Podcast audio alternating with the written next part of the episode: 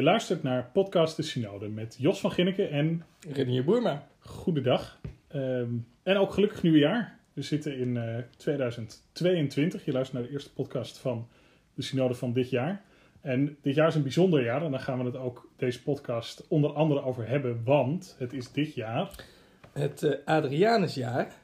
Namelijk het jaar waarin wij vieren dat ehm, wij een Nederlandse paus hebben gehad. Ja, en dat dat precies 500 jaar geleden is. Daar gaan jullie ehm, in het tweede deel van de podcast meer over horen. In het eerste deel van de podcast eh, gaan we het hebben over RefoWeb en de dingen die wij daar, eh, die wij daar tegen zijn gekomen.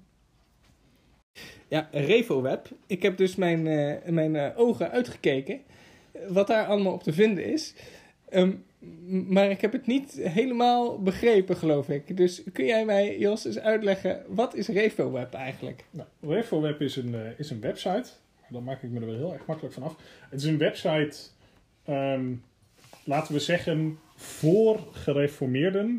Door gereformeerden ook wel, ook wel vooral. Ehm, en zoals sommige mensen misschien zullen herkennen, of vooral van hun moeder zullen herkennen, want die lezen dan meestal dit soort blaadjes. Het is... ehm, het grootste gedeelte van RefoWeb draait rondom de vragenrubriek. Je hebt Ja. er ook wel nieuws, nieuwsartikelen en dat soort eh, zaken op. Maar het draait om de vragenrubriek, eh, eh, waar ehm, mensen, vooral gereformeerden dus, mensen die in de bredere protestantse kerken zitten, een vraag stellen. Ja, ehm, en die dan kunnen laten beantwoorden door een expert. En dat is dan meestal een dominee of een pastoraalwerker of, eh, of, of iets in die trant. Nou, en wij dachten dus, het is, eh, ehm, het is leuk om zo'n vraag eh, hier te bespreken. We hebben meteen een hele makkelijke genomen. Ja, nou ja, we dachten wel vooral, laten we eens eventjes een, de, de vraag, een vraag doen die, waar wij niks van begrijpen. Wie weet, eh, dat we dan een relevant antwoord zouden krijgen. Dat we ook op waarde kunnen schatten. Ehm, ja, de vraag gaat over kruispunten in de standenleer. En in die kop kennen wij twee alleen de woorden in en de. Ehm, huh? of, of begrijpen wat die precies betekent. Kruispunten in standenleer. Ja, precies. Is, de, is, precies, is de- wij, wij begrepen niet eh, wat eh, kruispunten precies waren en ook niet wat de standenleer is. Maar ehm, de standenleer, ehm, De vraag wordt gesteld door iemand uit de gereformeerde gemeente. En om dat een beetje te kunnen plaatsen, als mensen denken aan, eh, als de luisteraar denkt aan mensen van de Zwarte Kousenkerk, eh Ja. Refo's, dat is ook de geuzennaam die de website zelf heeft, dan zitten we, dan zitten we in die hoek van, van Ja. Nederland. Ja. Ehm, de standaardleer, hier. Als Ja. jij het probeert uit te leggen, probeer ik het daarna nog een keer. Oké, nou, dat is precies. Oké, nou, hè, de standenleer. Het gaat er dus om ehm, dat je ehm, in je leven als christen, dat je daarin eh, een bepaalde groei doormaakt. Ehm, en dat er in die, in die groei bepaalde eh, kruispunten of, of, of standen zijn. Dus ehm, ehm, Hè, en wat die, wat die precies zijn, dat is, dat is dan niet helemaal duidelijk. Maar het idee, het idee lijkt eerst te zijn: oké, ja, nou, je, bent, je, je leeft gewoon je leven. En vervolgens krijg je een gemis. Dan En krijg je door dat er iets... ja, dat, er, dat, dat, dat, dat, dat, je meer wil in dit leven. En, en ik heb de indruk dat, dat vooral in de gereformeerde gemeente dat wel heel erg. eh, ben- eh, dat de zonde wel heel erg benadrukt wordt. Dus vooral dat je ook een, een, een, een besef krijgt dat je, dat je het helemaal verkeerd doet, zeg maar. Nou, en als dat dan is, is dat is dan één zo'n eh, kruispunt. Dat doorkrijgen. Dat doorkrijgen. Dat, dat gemis voelen. Ja. Ehm, en vervolgens heb je nog allerlei andere ehm, standen. En op het eind ben je dan zeg maar een, eh, een, een goed christen. En, en die man die stelt nu de vraag van ja, hoe weet je nou of je, zo'n, of je nou zo'n kruispunt, of je dus zo'n level hebt behaald, als ik het eh, zo mag zeggen. Een beetje, ja. ja. Eh, en, en of dus, nou ja, of je dus een. eh, nou ja, of dus de Heer echt met je is. Hè? Hij, Ja, ja, hij, hij vraagt dus, hij vraagt dus letterlijk ergens: hoe weet een zondaar dan dat men een bepaald kruispunt beleeft en dat de Heer dus is overgekomen? Ja, want dat, want dat, want dat laatste is dus, is dus relevant. Je zou zeggen van een kruispunt, eh, zoals wij dat doen, dan, dan druk je die knop in. En eh, blijkbaar doet dat eh, niks als je bij een kruispunt met stoplicht staat. Maar in elk geval, De- op een gegeven moment, op een gegeven moment kun, je, kun je oversteken. En dat doe je zelf. Het idee hierbij is, ehm, het, het, het, het godsbeeld dat uit deze vraag komt is... jij bent uiteindelijk niet de persoon die dat doet. Het is God die dat, Ja. die, die, die die stap Ja, precies. Dat, Precies. En jij kan dat op een, een manier wel ervaren, kennelijk, door een gevoel. Maar, zegt de vraagsteller, ja, dat is wel een beetje subjectief. Dus, dus hoe weet je nou, hè, ja, hoe weet je nou of dat is gebeurd? nou, dat... En wat is dan het antwoord? Want hè, Ja. meestal wordt er dus bijvoorbeeld een, een dominee geeft dan antwoord op deze vraag. En, en, en zo eh, hier ook. En zo geschieden, want we hebben een antwoord op deze vraag van dominee Haring van de gereformeerde gemeente. Hij komt uit Capelle en hij is emeritus dominee, wat dus betekent dat hij niet meer actief aan een gemeente verbonden is. Ja. En waar zijn antwoord op neerkomt, is dus wat, wat duidelijk wordt uit het, uit het antwoord, is dat die standenleer, dat het idee en, de, en het jargon dat daarbij hoort en die precieze stappen en de namen van die kruispunten, ehm, die, hier niet allemaal, die hier niet allemaal opstaan, eh, die hier niet allemaal opstaan geschreven, dat dat, ehm, hij zegt van dat vertroebelt eigenlijk het beeld van wat er nou precies gebeurt. Ja. Terwijl zo'n stap wel of niet wordt gezet. Hè? Mensen die eh, groeien, die worden ouder, die gaan naar de kerk, die leren er meer over. En zo komt er meer en meer bij hen binnen. Eh, Ja. en, en groeien ze in hun geloof. Ja. En zou je zeggen dat je daardoor een betere christen wordt. Maar hij zegt van, ja, als je dat helemaal af gaat meten van... Ja, heb ik nu al dit niveau bereikt en sta ik al op dit kruispunt? Of sta ik nu in stand zus of zit ik nog hier? Ja, dat is een beetje net doen als van... Ja, ik heb in groep 3 gezeten en ik heb mijn werkjes gedaan... en eh, ben ik nou netjes naar groep 4 gegaan. En dat in die manier erover praten dat het, eh, dat, dat het plat slaat. En ook wat hem betreft dus, dus te plat maakt. Maar... ehm, wat hij niet per se betoogt. Zijn antwoord is wel nog steeds wel heel erg duidelijk de, de, van de kant dat hij zegt van ja, eh, dat is nog steeds niet iets dat je per se zelf doet. Ja. Het is, het is dus niet zoals wij, eh als katholieken zouden zeggen, dat je, eh, dat je meewerkt aan dat, aan, aan dat eigen heil. Of dat je er zelf Ja. nog een, een, een bepaalde rol in speelt. Ja. Ehm, daarmee hoop ik een voor mij ook nogal zwaar theologisch doorvrochte antwoord iets wat samen te hebben gevat. Ehm, wil jij specifiek over de vraag en het, en het antwoord nog iets zeggen? Nou ja, ehm, wat ik zou willen zeggen is dus dat het dat, dat voor mij was er niet echt een antwoord. Dus zeg maar, als, als de vraag vooral is ja, maar dit is een beetje subjectief. Hoe weet ik dat nou? Ehm, dan zegt hij, nou ja, eh, je moet eh, vooral kijken in de Bijbel. En alles wat niet over, eh, over de standleer in de Bijbel staat, dat kun je even negeren, even in mijn, even in mijn woorden. Ja, en dan, en dan Ehm, hoeft dat dus ook in je hoofd niet te blokkeren. Nee, dan hoeft dat precies. Want, Ehm, het, want het gevaar zou kunnen zijn dat je denkt: oh, dit is een standenleer en ik heb dit nog niet precies zo behaald, of dit voelt niet precies zo, dus dat zal wel, dus ik ben niet op de goede weg. En hij Ja. zegt van dat is niet behulpzaam, maar. Eh, Ja, en dat, eh, precies, hè, en dat stappenplan, oké, dat is allemaal niet behulpzaam. Eh, eh, prima. mhm. Ehm, maar dan blijft staan ehm, dat, n- nou ja, hè, de, de, laten we zeggen, ik zal het laatste stukje even voorlezen, is een laatste onderdeel van, van, van zijn antwoord. Eén ding wil ik nog zeggen. Het moet van de andere kant komen, jazeker. Ehm maar het moet vooral de waarheid in het binnenste zijn. Mijn vraag is, oké, als dan moet het dus toch iets zijn binnenin mij. En hoe, hoe kan dat nou niet, hoe, hoe hoe past blijft dat? het, hoe pas, hoe, dat, dat blijft heel subjectief. Hoe, moet, dan, hoe, hoe weet ik dat dan? Nou ja, dat, Dus, en, en vooral hoe past dat in? Het moet dus van de andere kant komen. Ja. Het, moet, het moet God zijn die de stap naar jou zet. ja, de, en daar lijkt mij iets moois in zitten, want inderdaad, we hebben inderdaad iets nodig dat, dat buiten ons staat. Ik bedoel, dat is misschien nog wel de meest, eh, de definitie van religie in de meest algemene zin van het woord. Wij hebben iets nodig dat, dat we niet zelf eh, kunnen maken. Ja, dat, Dat is- dat, dat buiten ons is, dat boven ons is, dat ons raakt. Ja, precies. En, en, en zeg maar, de meest simpele definitie van secularisatie is dan misschien wel de, het, de, de opvatting dat dat niet nodig is. of erger nog, dat dat alleen in jezelf zit. Ja, of dat het alleen in jezelf zit. Nou ja, goed. Dus in ieder geval, er moet inderdaad iets van buiten komen. Maar ehm, hè, het is wel een waarheid die, die daarbinnen zit. Ik kan daar niet zoveel mee. En hè, als ik, als ik meer van die artikelen lees op reformweb.nl, dan moet ik ook zeggen, er zit een enorme zwaarmoedigheid in. Ja, Of een enorme tobberigheid. ja maar dat is... Een, Waar, waar, ik, waar ik eerlijk gezegd ook zelf nogal eh, gevoelig voor ben. Ehm, Dan zou je zeggen dat dat je gereformeerde, gereformeerde inborst is? Of dat het, nou, het is op zijn minst mijn karakter. Ik ken genoeg geïnformeerden die veel vrolijker in het leven staan dan, dan, dan ik mij voel. Ja, Ehm, eh, maar ik heb niet de indruk dat, dat de- als ik de antwoorden lees, word ik daar niet per se blij van. En, en dat vind ik toch wel jammer, want je zou toch zeggen, de, de- het, het eh, hoe zeg je dat, het keurmerk van de christen, nou keurmerk is niet het juiste woord, maar het, het herkenningsteken van de christen is toch, eh, is toch de, de vrolijkheid. En, en deze website staat vol met enorme zoekers die, die Ja. niet per se de vrede van Christus vinden. nee. Nee, kijk, en dan...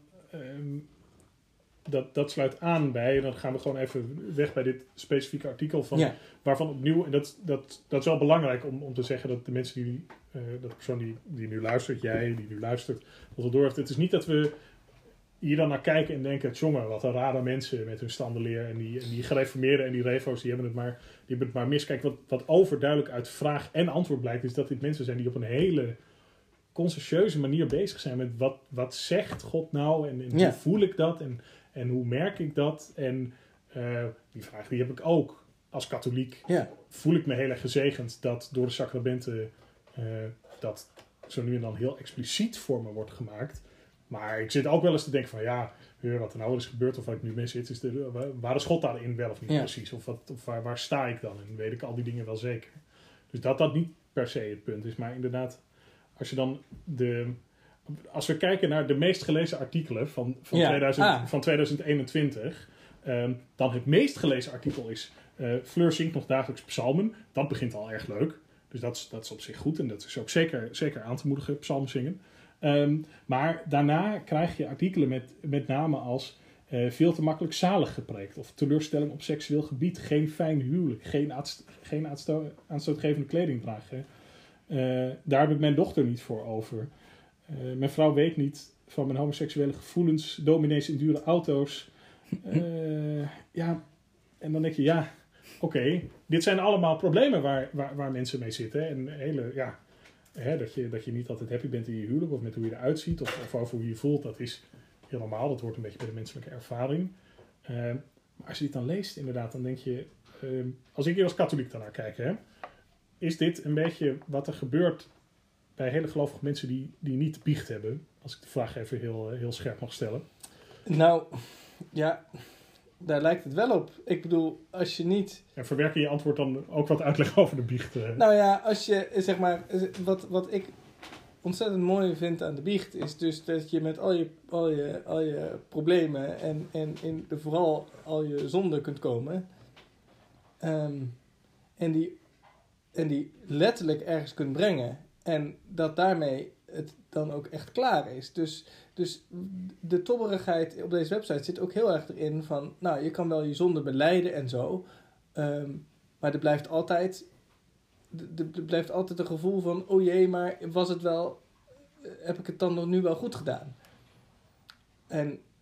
ehm, En, en, nou, en, en zeg maar, het, het, en, en ik bedoel, dat, dat gevoel kun je ook best wel hebben als katholiek. ehm, maar het, het grote voordeel is dat je, dat je elke keer weer naar de biecht kunt gaan of, of de andere sacramenten kunt gebruiken. Dus zeg maar, het, wat, ik, wat het ontzettend mooie wat ik eh, van de katholieke kerk vind en wat, wat ik lijkt, het lijkt te ontbreken, daar is een beetje de, de, het, de, de eenvoudige ervaring dat Christus hier aanwezig is.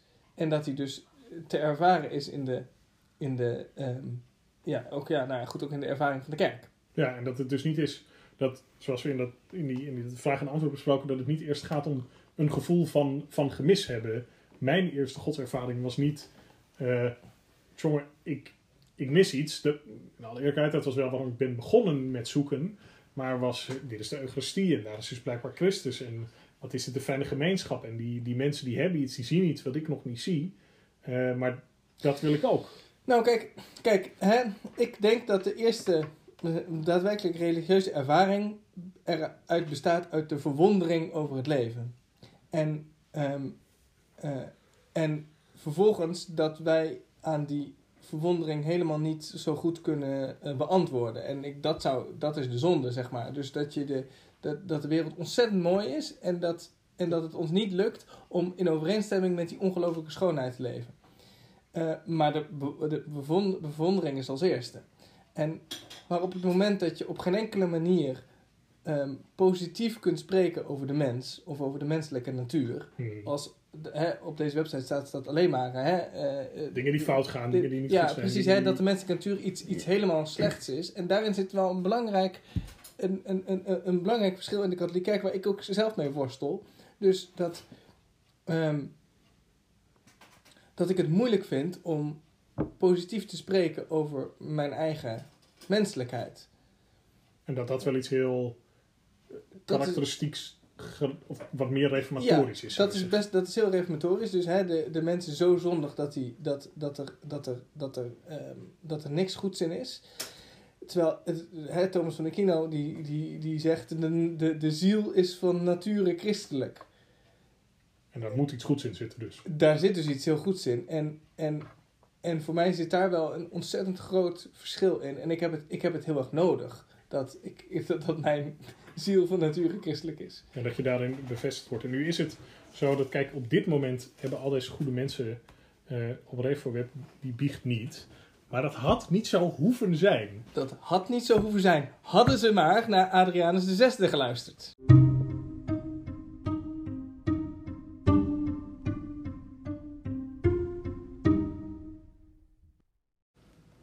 Goed, eh, Renier. Nadat je weer wat gekalmeerd bent naar die, uh, naar die uitroep, kun je ons misschien wat meer vertellen over waarom wij eigenlijk hadden moeten luisteren naar een man die de Sixtijnse kapel ooit een badkamer noemde, omdat het vol staat met naakte mannen.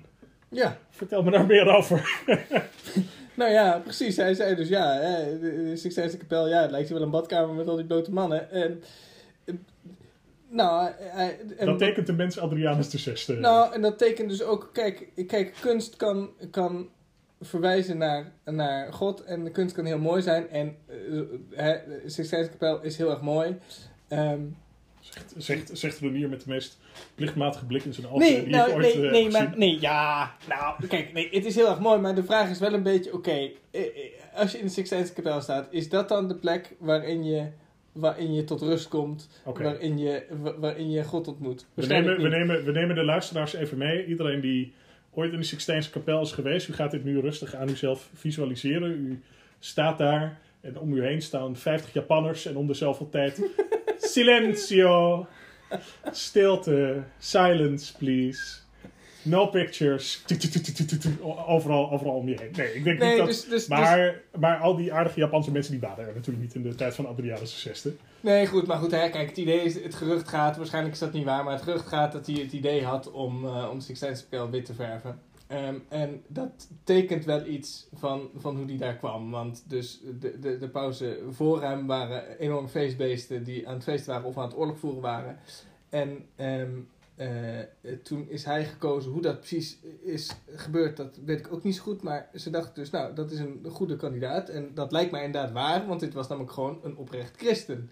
Die, uh, die nou, eh, die, die sober was, die, um, uh, nou, die gewoon kon bidden en zo. Want even beginnend, want even beginnend bij het begin. Het enige wat, wat, wat je nu over Adrianus hebt gehoord is dat het de eerste Nederlandse paus is. Ja. En daarmee ook de enige. En dat hij de Sixtijnse kapel wit wilde verven. wat hoogstwaarschijnlijk vuile Italiaanse propaganda is. Om deze, om deze goede, Nederlandse, goede Nederlandse kardinaal en bisschop uh, uh, fel te maken. Adrianus VI. Uh, even, een, even een tijdsbepaling. Is paus uh, geworden 500 jaar geleden. En wat speelde er 500 jaar geleden? Uh, nou, uh, pandemieën en oorlog en ziekteuitbraken. Dus allemaal bijzonder actueel zouden we kunnen zeggen. Maar de belangrijkste ontwikkeling op dat moment was dat ehm, zo net rondom die periode, net daarvoor, Luther zijn stellingen aan de kerkdeur in Wittenberg had getimmerd. Ja. En, had, en daarmee hè, die beweging en die vragen en Ja. het verzet tegen de kerkelijke hiërarchie was er al Overigens- langer. Was al langer maar dat, het- dat is een soort met officiële start van wat later de reformatie is gaan heten. Ja, precies. Overigens, hè, dat, eh, die stellingen eh, eh, aan de slotkapel van Wittenberg in 1517, ook dat is een verhaal in het kader van het witverven van de, van de kapel. Waarschijnlijk niet helemaal waar, maar inderdaad, hè, het, ook dat tekent wel iets van de, van de sfeer die, eh, die daar was. Zeg maar, je hebt natuurlijk altijd, altijd een bepaalde mythevorming nodig. Of, Ja, eh, precies. Of, of, of, of, of al deze mensen echt binnen zijn komen rijden, dan te paard in, eh, in, de, in dat prachtige kasteel op een dag waarop toen alleen de zon begon te schijnen. dat klinkt natuurlijk een heel stuk leuker dan dat het de hele dag regende, maar hè, goed.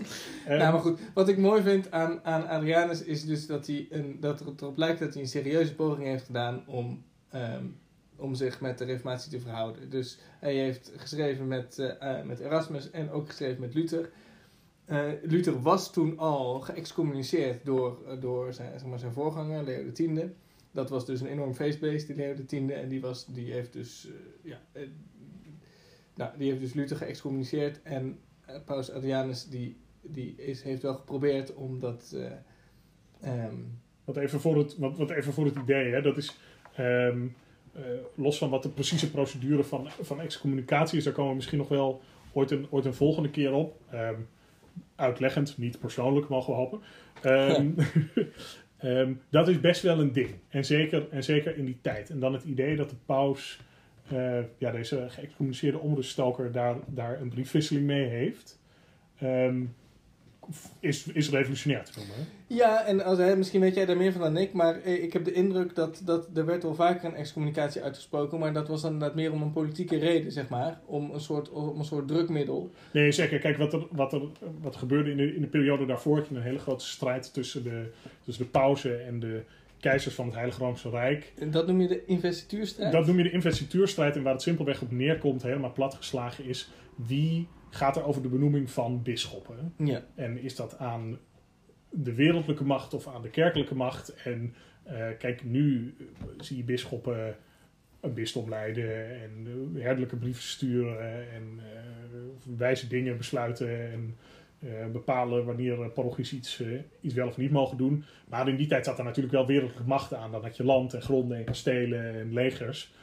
Dus dat was inderdaad best wel, best wel een kwestie. ja. Ehm, dus excommunicatie kon een politiek middel van, van pauze zijn om inderdaad eh, hoogmogende heren eh, op hun knietjes naar Rome te krijgen. Want als je geëxcommuniceerd was, dan viel je niet meer onder de, ook in de middeleeuwen niet bijzonder eh, succesvolle regel, maar dat je in principe elkaar als christenen niet, niet, niet aanviel of de tro- trok. Dus als je geëxcommuniceerd was, was je vogelvrij.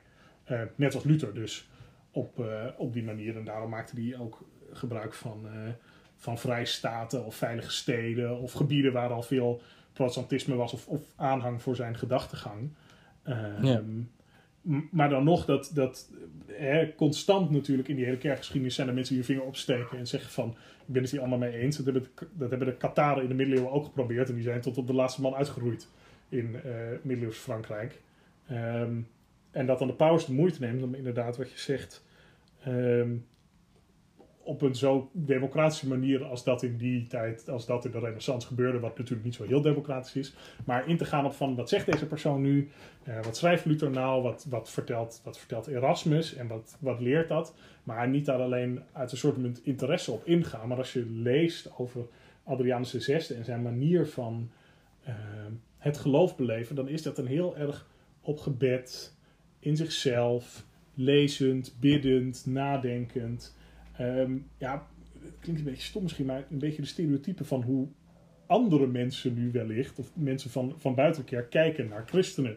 Dat zijn mensen en die lezen maar een beetje de hele dag in de Bijbel en die lopen een beetje te bidden. En eh, ja, dat is hun geloofsbeleving. Ehm, Ja. En dus voor het idee, dat werd door kardinalen in de tijd van Adrianus VI eh, best wel revolutionair gevonden. Als je dat allemaal deed. Dat was natuurlijk niet de bedoeling dat de paus dat deed. Ze moesten lekker oorlog voeren en eh, machtspolitiek bedrijven en leuke feestjes eh, organiseren in, eh, in, het, in, het, in het paleis. Want, want hè, ehm, het, het Rome dat, dat veel mensen hebben gezien, als we daar naartoe gaan op vakantie met de Sint-Pieter en met de Sixtijnse kapel, dat, dat was er ook al toen, toen Ja. Adrianus was. Dat is verder uitgebouwd. Nee, precies. Maar goed, kijk, het, het hele punt is dat ik denk dat als, ehm, als de kerk er had uitgezien, eh, of als, hij, als de kardinalen en zo in die tijd ehm, zo hadden geleefd als Adrianus, dan was Luther niet geëxcommuniceerd. Dan hadden we niet de reformatie gekend zoals we die nu hebben gekend. Dus, ehm, en dat, dat is ook wel het tragische, zeg maar. Dus, en zijn, het hele pauschap van Adrianus is in die zin mislukt, want hè, hij moest ook vechten tegen de Turken en zo. Dat is ook allemaal niet gelukt. En hij, na twee jaar werd hij ziek en, eh, en overleed hij. Ehm, en is tu- toen weer vervangen door een, door een nieuwe Italiaanse paus die doorging met feestvieren, eventjes gechargeerd gezegd. Hè.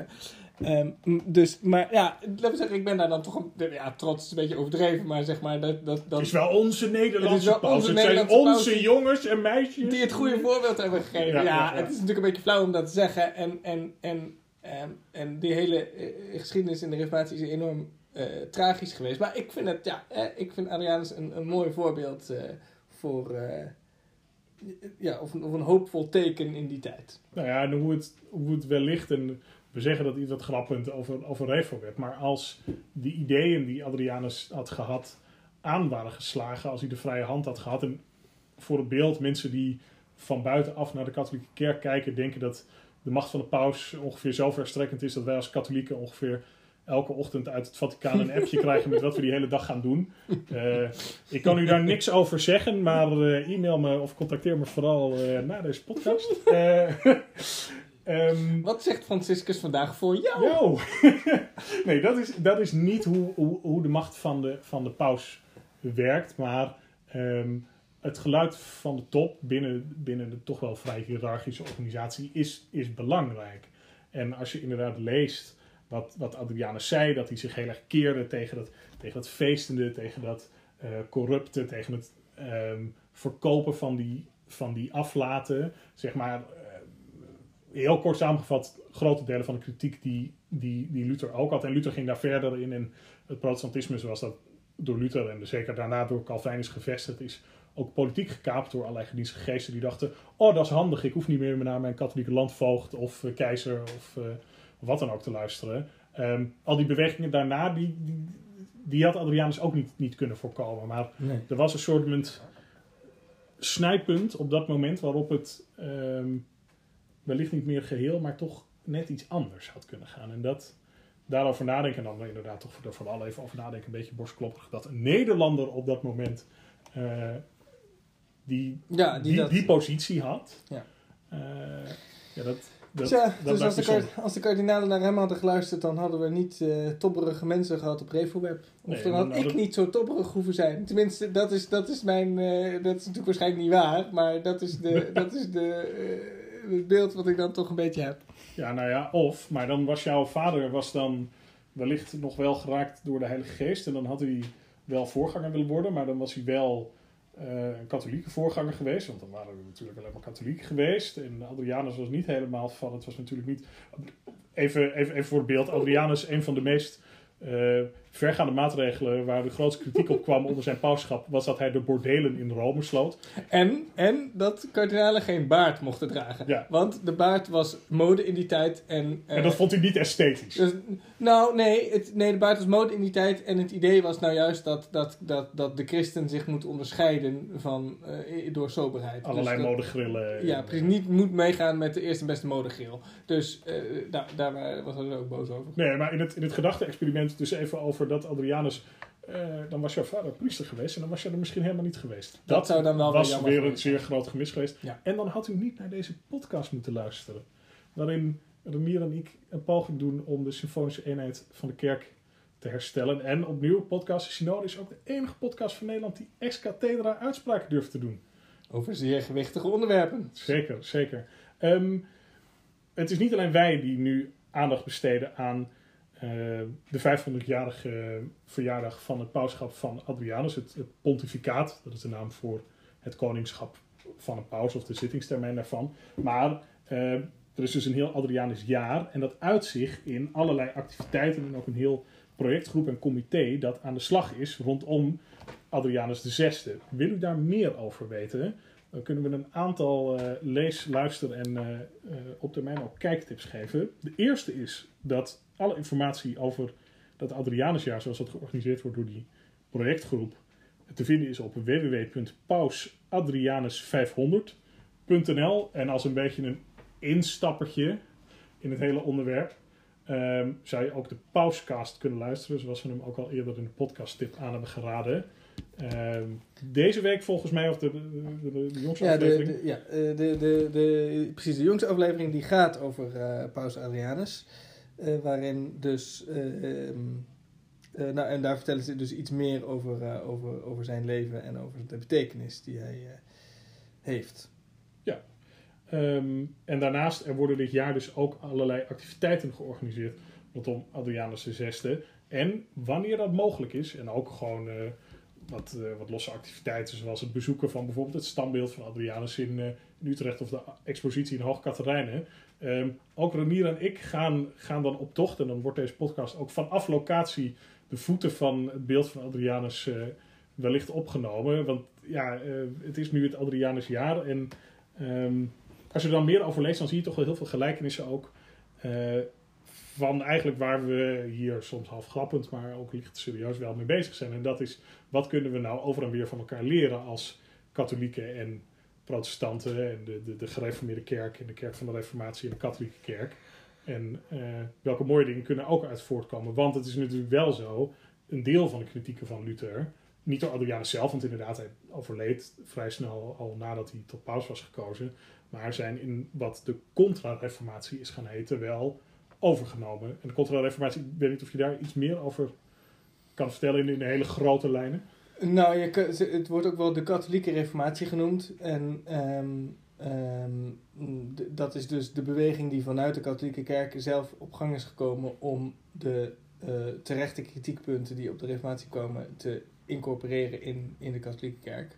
Ehm, en ehm, dus eh, ja, eh, een van de, van de belangrijke dingen is bijvoorbeeld dat eh, de Jezuïeten zijn opgericht ehm, door eh, Ignatius van Loyola. En, mm, en, en, nou, nou, al die dingen hadden er dus inderdaad meer mee te maken dat ook dat, dat het persoonlijke geloof van de mensen meer, Meer een rol kreeg meer een rol kreeg. binnen de kerk. En dat is ook wel wat je bij Adrianus dus terugziet. Dus- dat dat eigen leven, dat bidden, dat lezen, dat dat wel... Nou, dus het zou, zou mooi zijn misschien een volgende podcast te hebben over... Oké, wat, wat, wat is die katholieke reformatie geweest? Want ik weet daar als, als zeg maar, ex-gereformeerde heel erg weinig eh, over. Of ik wist daar zeker toen ik gereformeerd was niet zoveel over. Het idee is toch een beetje van... Ja, oké, hè, we hebben de reformatie gehad en toen is het allemaal goed gekomen. Ja, en het enige wat ik er dan als van origine katholiek over weet, die tijd onder gereformeerden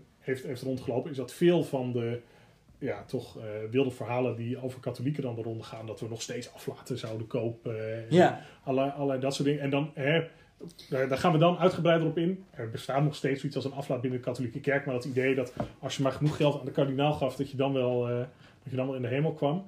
Ehm, dat een heleboel van, van dat soort kritieken en dingen eh, eigenlijk daarop meestal het antwoord is van ja, nee, dat is wel zo, maar dat was dan in de katholieke kerk voor de contra-reformatie. ja. Eh, ja. Of dat was zelfs voor de contra-reformatie was dat niet... eh, Was Eigenlijk dat al waar- niet helemaal was, was, niet, was dat niet de bedoeling en is dat vrij snel rechtgezet. En dat soort, dat, dat, dat is dan inderdaad dus een goed onderwerp om er volgende keer op in te gaan. Een laatste ding waar ik het dan even over wil hebben. En ehm, dat viel mij dan op toen ik eh, wat las over Adrianus, ook die op de luisterde. Dat waren allerlei kritieken op hem. En het is barbaars. En het is er een van buiten. En het is er een die de curie de mantel uitveegt. En die maar een grote mond heeft. En eh, eh, maar bezig wil zijn met sober leven. Ehm, je zou natuurlijk kunnen zeggen dat het enige gelijkenissen heeft met hoe sommige katholieken ehm, over de huidige paus Franciscus praten. Ehm, hoe, eh, hoe kijk jij daar naar? Nou, tja, eh, je kan ook zeggen dat zelfs de heer zelf was ook een buitenstaander. En ehm, eh, eh, net als Adrianus was ook de heer de zoon van een timmerman. Dus, dus ik denk dat het altijd belangrijk is om een, om een persoon eerder te spiegelen aan, aan, aan de persoon van Christus dan aan, dan aan een andere paus. Ehm, wat betreft Franciscus, ik, ik, ik weet het niet. Kijk, ehm, mm, de, de- ja, de situatie is heel anders. Ik bedoel, hij wordt, hij wordt, eh, hij- hij- Paus Franciscus lijkt benaderbaar te zijn. En ik geloof niet per se dat Adrianus heel benaderbaar was. Nee, dat was een deel van de kritiek ook op hem. Hij, hij deed niet leuk mee en hij, eh, hij, was niet echt, hij was niet echt van het volk, maar hij was ook niet van de edelen, van de, van de kardinalen. Hij was Nee. heel erg zelf met God bezig. En dat is opnieuw eh, mooi. Maar ja, als wat meer van die ideeën wat breder hadden geleefd, dan hadden wij hier misschien toch net iets anders gezeten. Precies. Dan was eh RevoWeb niet nodig geweest. Nee. En of dat positief of negatief is, daar mag u allemaal zelf over nadenken. Ehm, maar dit is over Adrianus VI. En meer informatie over dit Adrianusjaar is dus te vinden op www.pausadrianus500.nl.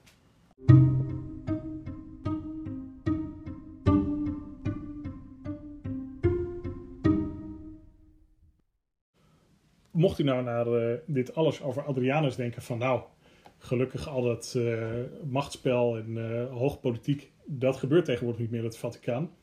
Dat is toch iets anders. Wilt u daar iets meer over weten, dan hebben we een, zoals altijd een podcast tip. En dat is de Amerikaanse podcast Inside the Vatican. Dat is een zo wekelijkse podcast waarin twee journalisten, de een eh, van de Verenigde Staten, de ander die zit in het Vaticaan spreken over de nieuws en de actualiteit rondom waar de paus mee bezig is. Eh, nieuwe zaken die bijvoorbeeld spelen rondom de synodale weg, waar we het een vorige podcast over hebben gehad. En dat proberen te plaatsen in uiteraard het, het grotere verhaal wat God ons heeft te vertellen, maar toch ook wel wat achtergrond proberen te geven van hoe het dan achter de schermen in het Vaticaan gaat. Het is een Engels podcast, dus die, dat moet je wel machtig zijn, maar het is op zich relatief goed te volgen. De podcasttip van deze keer is dus Inside the Vatican. Je luisterde naar podcast De Synode. Wil je reageren of een vraag stellen, dan kun je eh, e-mailen naar desynode.gmail.com desynode.gmail.com Heel graag tot de volgende keer.